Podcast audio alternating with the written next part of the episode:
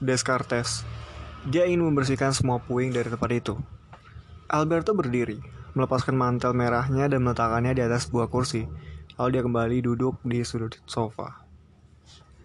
René Descartes dilahirkan pada 1596 dan tinggal di sejumlah negeri di Eropa. Pada beberapa periode kehidupannya, bahkan sebagai seorang pemuda, dia mempunyai hasrat yang kuat untuk mendapatkan wawasan mengenai hakikat manusia dan alam raya.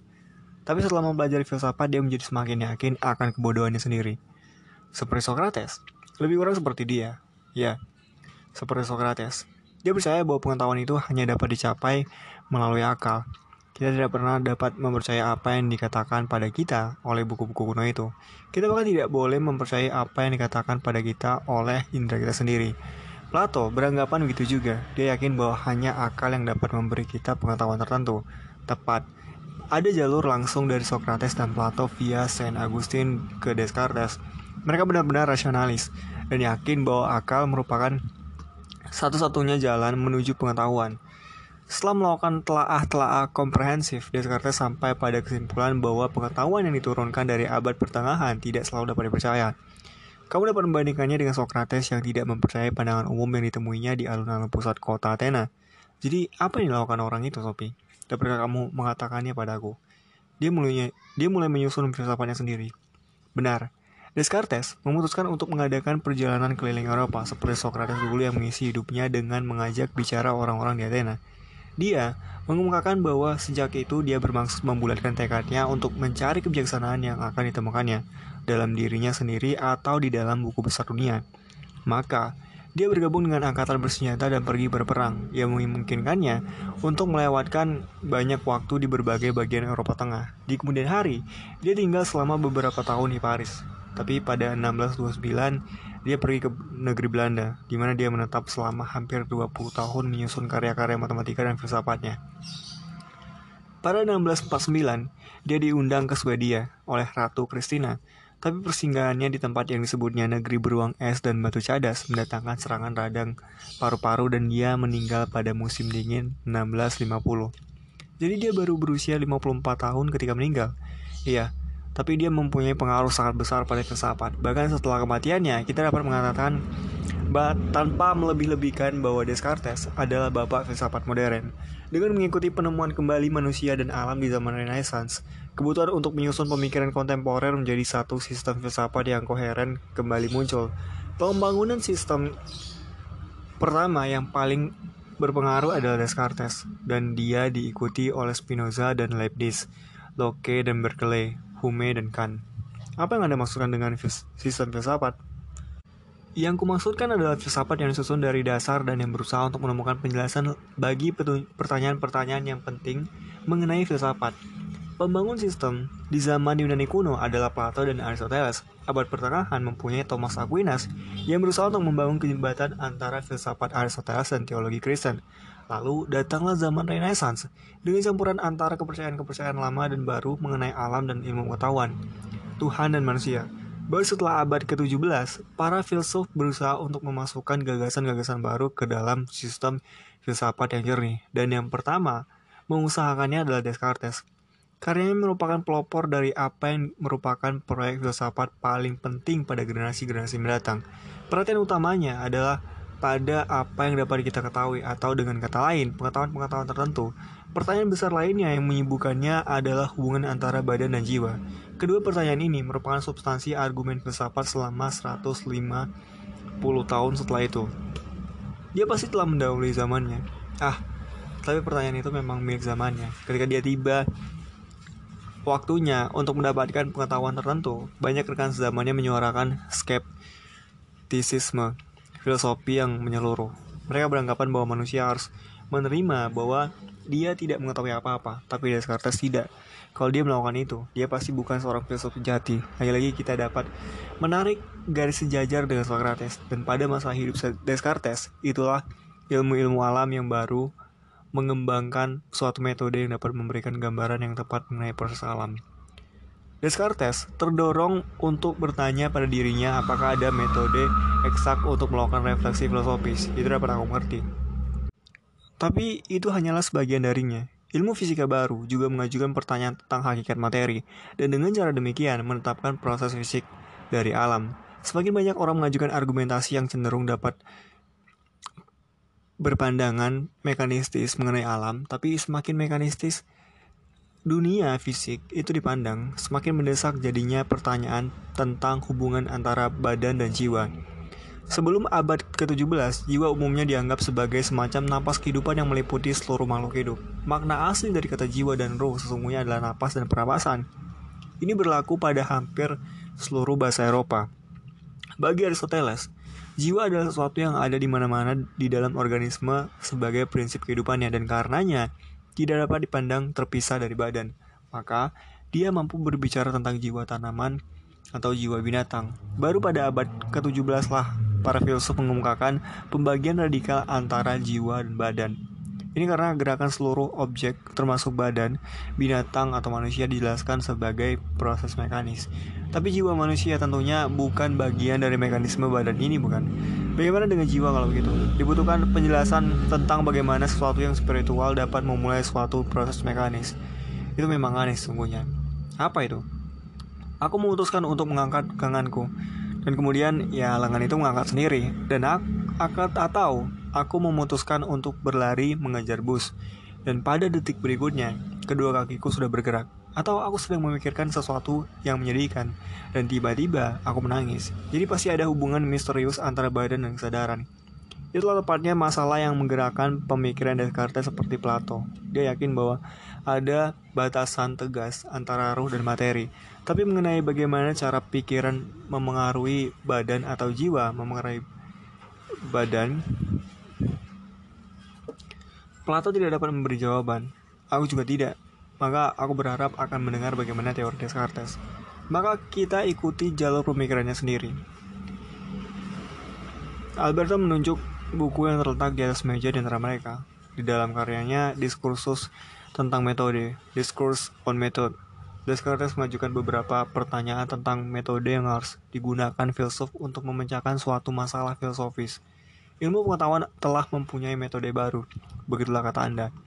Descartes menyatakan bahwa kita tidak dapat menerima apa pun sebagai sesuatu yang benar kecuali jika kita dapat dengan jelas dan tegas memahaminya. Untuk mencapai ini dibutuhkan upaya untuk memecahkan suatu masalah yang sulit menjadi potongan-potongan kecil sebanyak mungkin. Selanjutnya, kita dapat mengambil titik tolak dalam gagasan yang paling sederhana. Dapat kamu katakan bahwa setiap pemikiran harus ditimbang dan diukur, sebagaimana Galileo ingin agar segala sesuatu diukur dan yang tidak dapat diukur harus dibuat agar dapat diukur.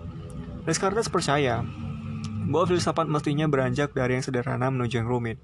Hanya dengan begitu ada kemungkinan untuk menyusun suatu wawasan baru dan, dan akhirnya penting untuk memastikan melalui perhitungan dan kontrol yang terus-menerus bahwa tidak ada yang ketinggalan dan dengan demikian kesimpulan filosofis akan dapat dicapai. Kedengarannya hampir seperti tes matematika. Ya, Descartes adalah seorang ahli matematika. Dia dianggap sebagai bapak geometri analitis dan dia memberikan banyak sumbangan yang penting pada ilmu aljabar. Dia berusaha untuk membuktikan kebenaran-kebenaran filsafat dengan cara seperti membuktikan sebuah dalil matematika. Dengan kata lain, dia ingin menggunakan instrumen yang persis sama dengan yang kita gunakan ketika kita bekerja dengan angka-angka, yaitu akal. Sebab hanya akal yang dapat memberi kita kepastian sama sekali tidak pasti bahwa kita dapat bergantung hanya pada indera-indera kita. Kita telah menekankan ketertarikan Descartes pada Plato yang juga beranggapan bahwa matematika dan angka dapat memberi kita lebih banyak kepastian daripada bukti dari indera-indera kita. Tapi dapatkah orang memecahkan masalah-masalah filosofis dengan cara itu? Lebih baik kita kembali pada pendalaman Descartes sendiri. Tujuannya adalah mendapatkan kepastian mengenai hakikat kehidupan dan dia memulai dengan menyatakan bahwa pertama-tama orang harus meragukan segala sesuatu. Dia tidak ingin membangun rumah di atas pasir. Kamu tahu. Tentu, sebab jika landasannya tersapu air, seluruh rumah itu akan ambruk. Tepat sekali anakku. Nah, Descartes menganggap tidak masuk akal jika kita meragukan semuanya, tapi dia menganggap secara prinsip kita bisa meragukan segala sesuatu, sebab sama sekali tidak pasti bahwa kita dapat melangkah maju dengan pencarian filosofis kita dengan meninggalkan atau meningkatkan pengetahuan kita tentang sejarah namun tidak tentang dunia. Descartes merasa perlu untuk membebaskan dirinya dari pengetahuan yang diwarisi atau diterima sebelum memulai penyusunan filsafatnya sendiri. Dia ingin membersihkan semua puing dan tempat itu sebelum mulai membangun rumah barunya. Terima kasih. Dia ingin menggunakan materi-materi yang baru dan segar agar yakin bahwa susunan pemikirannya yang baru dapat bertahan. Tapi keraguan-raguan Descartes bertambah dalam lagi. Kita bahkan tidak dapat mempercaya apa yang dikatakan oleh indera-indera kita, katanya. Mereka mungkin memperdaya kita. Bagaimana bisa? Ketika kita bermimpi, kita merasa kita sedang mengalami kenyataan. Apa yang memisahkan perasaan kita ketika terjaga dan perasaan kita di dalam mimpi? Ketika aku memikirkan hal ini dengan cermat, aku tidak menemukan sesuatu pun yang dengan pasti dapat memisahkan keadaan waktu kita terjaga dari waktu kita bermimpi. Tulis Descartes, dan dia melanjutkan, Bagaimana kamu dapat yakin bahwa seluruh kehidupanmu bukan hanya impian? JP mengira dia hanya bermimpi ketika dia tidur di atas tempat tidur sang baron, dan ketika dia terbaring di tempat tidur sang baron, dia mengira kehidupannya sebagai seorang petani miskin hanyalah impian. Maka dengan cara yang sama, akhirnya Descartes mutlak meragukan segala sesuatu. Banyak filsuf sebelum dia telah berhenti persis pada titik itu. Jadi mereka belum melangkah terlalu jauh, tapi Descartes berusaha untuk melangkah maju dari titik nol ini. Dia meragukan segala sesuatu dan hanya itulah yang dia yakini. Namun kemudian ia menyadari sesuatu, satu hal pasti benar dan itu adalah bahwa dia ragu. Ketika dia ragu, dia pasti sedang berpikir. Dan karena dia berpikir, pastilah bahwa dia seorang makhluk yang berpikir atau seperti dia sendiri mengungkapkannya. Cogito ergo sum. Yang berarti aku ter aku berpikir, karena itu aku ada. Aku tidak heran dia menyadari hal itu. Cukup adil, tapi perhatikan kepastian intuitif yang dengan itu dia tiba-tiba memandang dirinya sebagai seorang makhluk yang berpikir. Barangkali kamu kini ingat apa yang dikatakan Plato, bahwa apa yang kita tangkap dengan akal kita itu lebih nyata daripada apa yang kita tangkap dengan indera kita. Demikianlah halnya bagi Descartes. Dia bukan hanya tahu bahwa dia adalah seorang aku yang berpikir. Dia bukan dia pun menyadari bahwa aku yang berpikir ini lebih nyata daripada dunia materi yang kita tangkap dengan indera-indera kita. Dan dia melanjutkan, dia sama sekali belum menghentikan pencarian filosofisnya. Sesudah itu apa? Descartes ini bertanya pada diri sendiri apakah masih ada lagi yang dapat ditangkapnya dengan kepastian intuitif yang sama. Dia sampai pada kesimpulan bahwa dalam pikirannya dia mempunyai suatu gagasan yang jelas dan terang mengenai wujud yang sempurna. Ini adalah gagasan yang selalu disimpannya dan karenanya jelas bagi Descartes bahwa Gagasan semacam itu tidak mungkin berasal dari dirinya sendiri. Gagasan mengenai wujud yang sempurna tidak mungkin berasal dari orang yang sendirinya tidak sempurna, katanya. Oleh karena itu, gagasan mengenai wujud yang sempurna pasti berasal dari wujud sempurna itu sendiri, atau dengan kata lain dari Tuhan. Oleh karena itu, menurut Descartes, pernyataan bahwa Tuhan itu ada menjadi jelas dengan sendirinya, sebagaimana seorang makhluk yang berpikir itu pasti ada. Di sini, dia terlalu cepat mengambil kesimpulan. Dia lebih waspada ketika baru memulai. Kamu benar, banyak orang menyebut itu titik lemahnya, tapi kamu katakan kesimpulan. Sesungguhnya itu bukan masalah bukti yang dimasukkan Descartes hanyalah bahwa kita semua memiliki gagasan tentang wujud sempurna. Menyatu dalam gagasan itu adalah fakta bahwa wujud sempurna itu pasti ada. Sebab wujud yang sempurna pasti tidak akan sempurna jika jika ia tidak ada. Pun kita tidak akan memiliki gagasan tentang entitas sempurna jika tidak ada entitas sempurna. Karena kita tidak sempurna. Gagasan tentang kesempurnaan itu tidak mungkin berasal dari kita. Menurut Descartes, gagasan tentang Tuhan itu sudah merupakan bawaan dan sudah dicapkan pada kita sejak lahir. Seperti cap rajin yang ditempelkan pada hasil karyanya. Ianya, ya tapi hanya karena aku mempunyai gagasan tentang seekor buaya berkepala gajah, tidak lantas berarti bahwa binatang seperti itu ada. Descartes pasti akan mengatakan bahwa tidak melekat dalam konsep itu bahwa seekor buaya gajah itu ada. Sebaliknya, telah melekat dalam konsep mengenai wujud sempurna bahwa wujud semacam itu ada. Menurut Descartes, ini sama pastinya dengan telah melekatnya dalam gagasan mengenai lingkaran bahwa semua titik pada lingkaran itu jaraknya sama dari pusat. Kamu tidak mungkin bertemu dengan lingkaran yang tidak sesuai dengan hukum ini. Kamu juga tidak mungkin mendapati wujud sempurna yang tidak mengandung perangkatnya yang paling penting, yaitu keberadaan. Itu cara berpikir yang aneh. Sesungguhnya, Itu adalah cara berpikir yang sangat rasional. Descartes percaya bagaimana Socrates dan Plato bahwa ada kaitan antara akal dan keberadaan. Semakin nyata sesuatu itu bagi akal seseorang, semakin pasti bahwa itu ada. Sejauh ini, dia telah menyadari kenyataan bahwa dia seorang manusia yang berpikir dan bahwa wujud sempurna itu ada. Ya, dan dengan ini, sebagai titik tolak, dia melangkah maju dalam masalah mengenai semua gagasan yang kita miliki mengenai realitas luar. Selain misalnya, matahari dan bulan ada kemungkinan bahwa itu hanya fantasi, tapi realitas luar juga mempunyai ciri-ciri pasti yang dapat kita tangkap dengan akal kita. Ini adalah sifat-sifat matematis, atau dengan kata lain dimensi benda-benda yang dapat diukur, seperti panjang, luas, dan kedalaman. Sifat-sifat kuantitatif semacam itu sama jelas dan sama terangnya dengan kenyataan bahwa aku seorang makhluk pemikir. Sifat-sifat kualitatif seperti warna, bau, dan rasa sebaliknya terkait dengan persepsi rasa kita dan karenanya tidak menggambarkan realitas luar kita. Jadi dalam alam itu sama sekali bukan impian.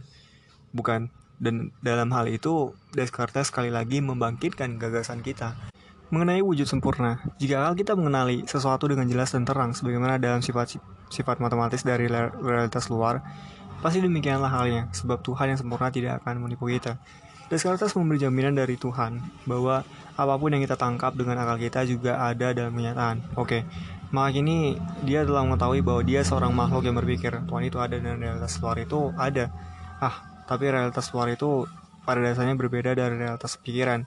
Descartes kini menyatakan bahwa ada dua bentuk realitas yang berbeda atau dua substansi-substansi yang satu adalah gagasan, rekogitan atau pikiran dan yang satunya lagi adalah perluasan, res ekstansa atau materi. Pikiran itu sungguhnya adalah kesadaran kita dan ia tidak mengambil tempat dalam ruang dan karenanya tidak dapat dibagi lagi menjadi bagian-bagian yang lebih kecil.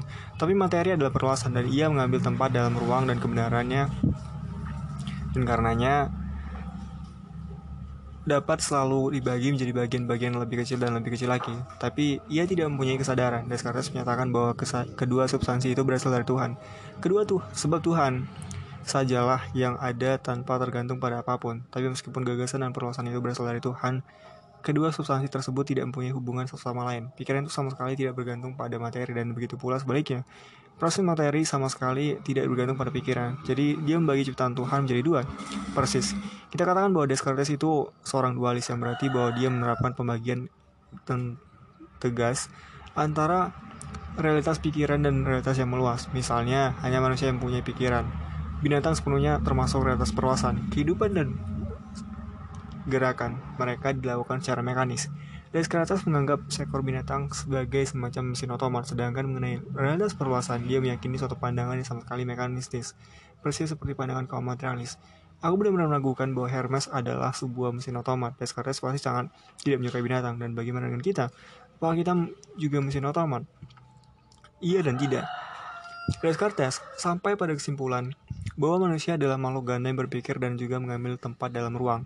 Oleh karena itu, manusia mempunyai pikiran dan badan perluasan. Saint Augustine dan Thomas Aquinas pernah mengatakan sesuatu yang serupa, yaitu bahwa manusia mempunyai badan sebagaimana binatang dan jiwa sebagaimana malaikat. Menurut Descartes, badan manusia adalah mesin yang sempurna, tapi manusia juga mempunyai pikiran yang dapat bekerja secara mandiri sepenuhnya dari badan.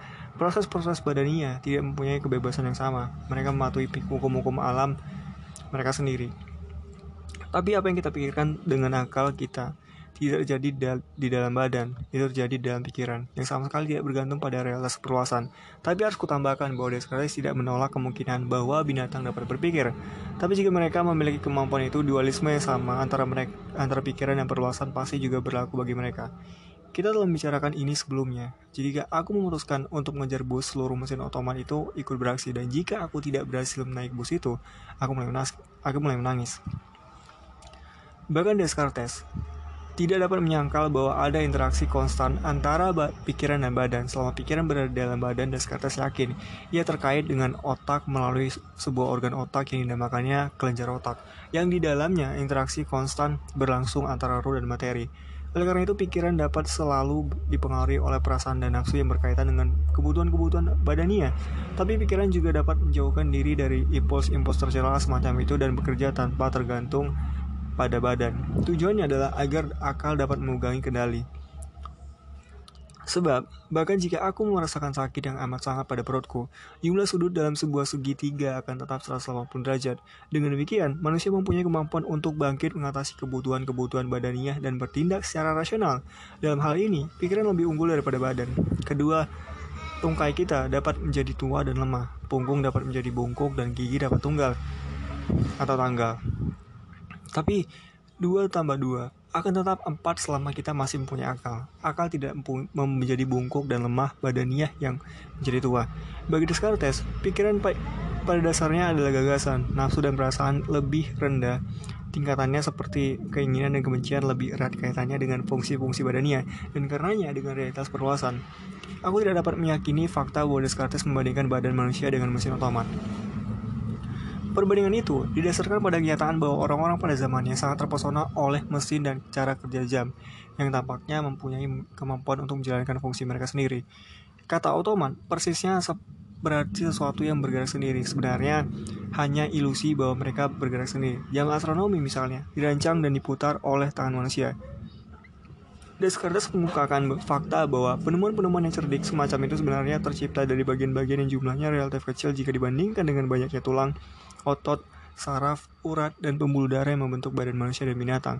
Memangnya Tuhan tidak bisa menciptakan badan binatang atau manusia yang dasarkan hukum mekanis?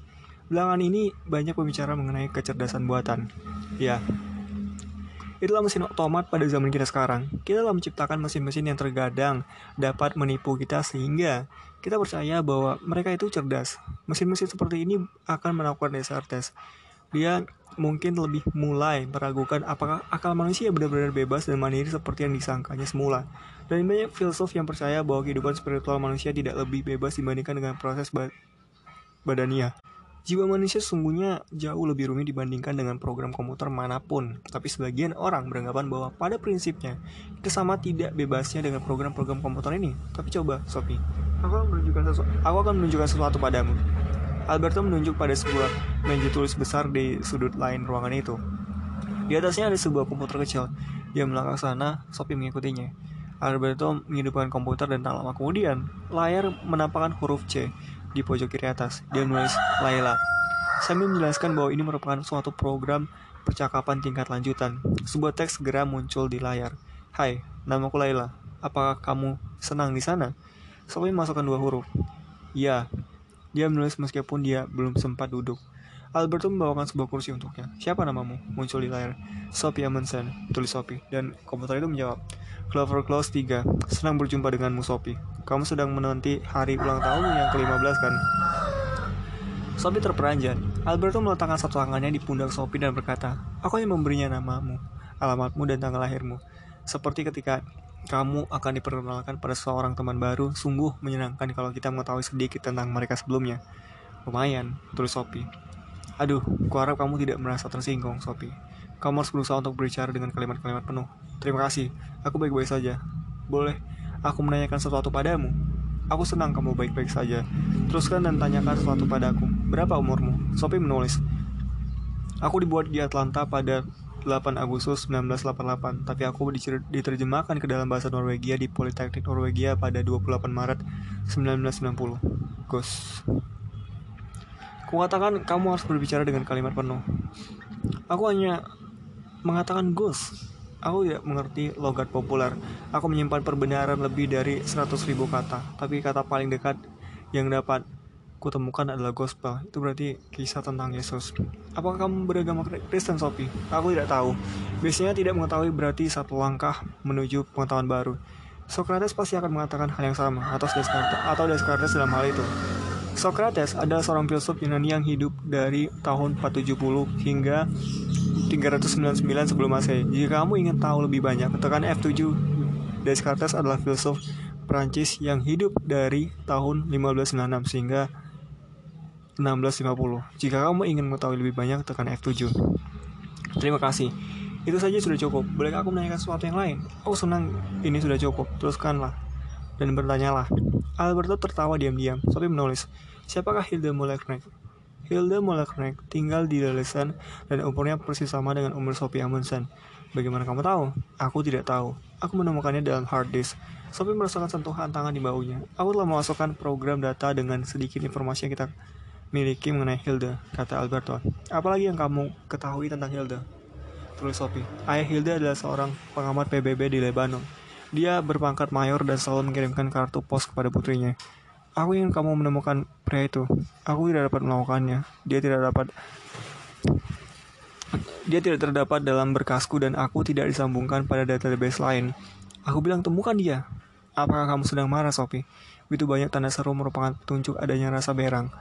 Aku ingin berbicara dengan ayah Hilda. Kamu mempunyai kesulitan mengontrol dirimu sendiri. Jika kamu ingin berbicara tentang masa kanak-kanakmu, tekan F9. Alberto meletakkan tangannya di bawah Sophie lagi. Dia benar, ini bukan bola kristal. Layla hanyalah sebuah program data. Tutup mulutmu, tulis Sophie. Sekendakmu, Sophie. Perkenalkan kita hanya berlangsung 13 menit dan 50, 52 detik. Aku akan mengingat apa pun yang pernah kita ucapkan. Kini aku akan menutup program. Huruf C. Sekali lagi muncul di layar. Sekarang kita dapat duduk lagi, kata Alberto. Tapi Sophie telah menekan kunci-kunci lain. Connect. Dia menulis dengan cepat pesan selanjutnya muncul di layar. Aku di sini. Kini Alberto lah yang melompat. Siapakah Anda? Mayor Alberto Connect bisa melayani Anda. Aku datang langsung dari Lebanon. Apa perintah Anda? Ini sungguh gila, sa Alberto. Tikus telah menyusup ke dalam hard disk. Dia memberi syarat pada Sophie agar bergeser dan kemudian duduk di depan keyboard. Bagaimana Anda bisa masuk ke dalam PC saya? Dia menulis, sepele saja, rekanku yang baik. Aku berada persis di tempat yang kupilih. Kau menyebalkan. Nah, nah, pada saat ini aku di sini sebagai virus ulang tahun. Bolehkah aku mengirimkan ucapan selamat yang istimewa? Tidak, terima kasih. Sudah cukup bagi kami. Tapi aku akan buru-buru. Semuanya untuk menghormatimu, Hilda sayang. Sekali lagi selamat ulang tahun ke-15. Tolong maafkan situasinya, tapi aku ingin mengucapkan ucapan selamat ulang tahun dariku muncul di sekitarmu ke mana pun kamu pergi. Penuh sayang dari ayah yang rindu untuk memberimu pelukan hangat. Sebelum Alberto dapat menulis lagi, tanda C telah muncul sekali lagi di layar.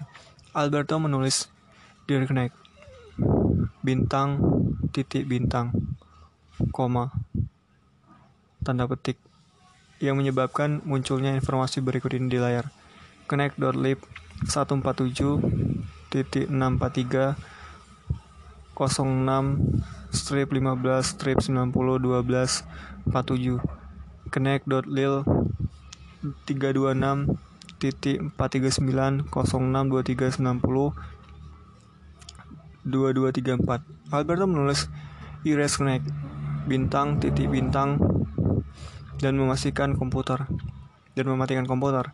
Nah, kini aku telah menghapusnya katanya. Tapi mustahil mengetahui di mana dia akan muncul lain kali. Dia terus duduk di sana menatap layar, lalu dia menambahkan, yang paling buruk adalah nama itu, Albert Knecht. Untuk pertama kalinya Sophie terkejut menyadari kesamaan antara kedua nama itu, Albert Knecht dan Alberto Knox.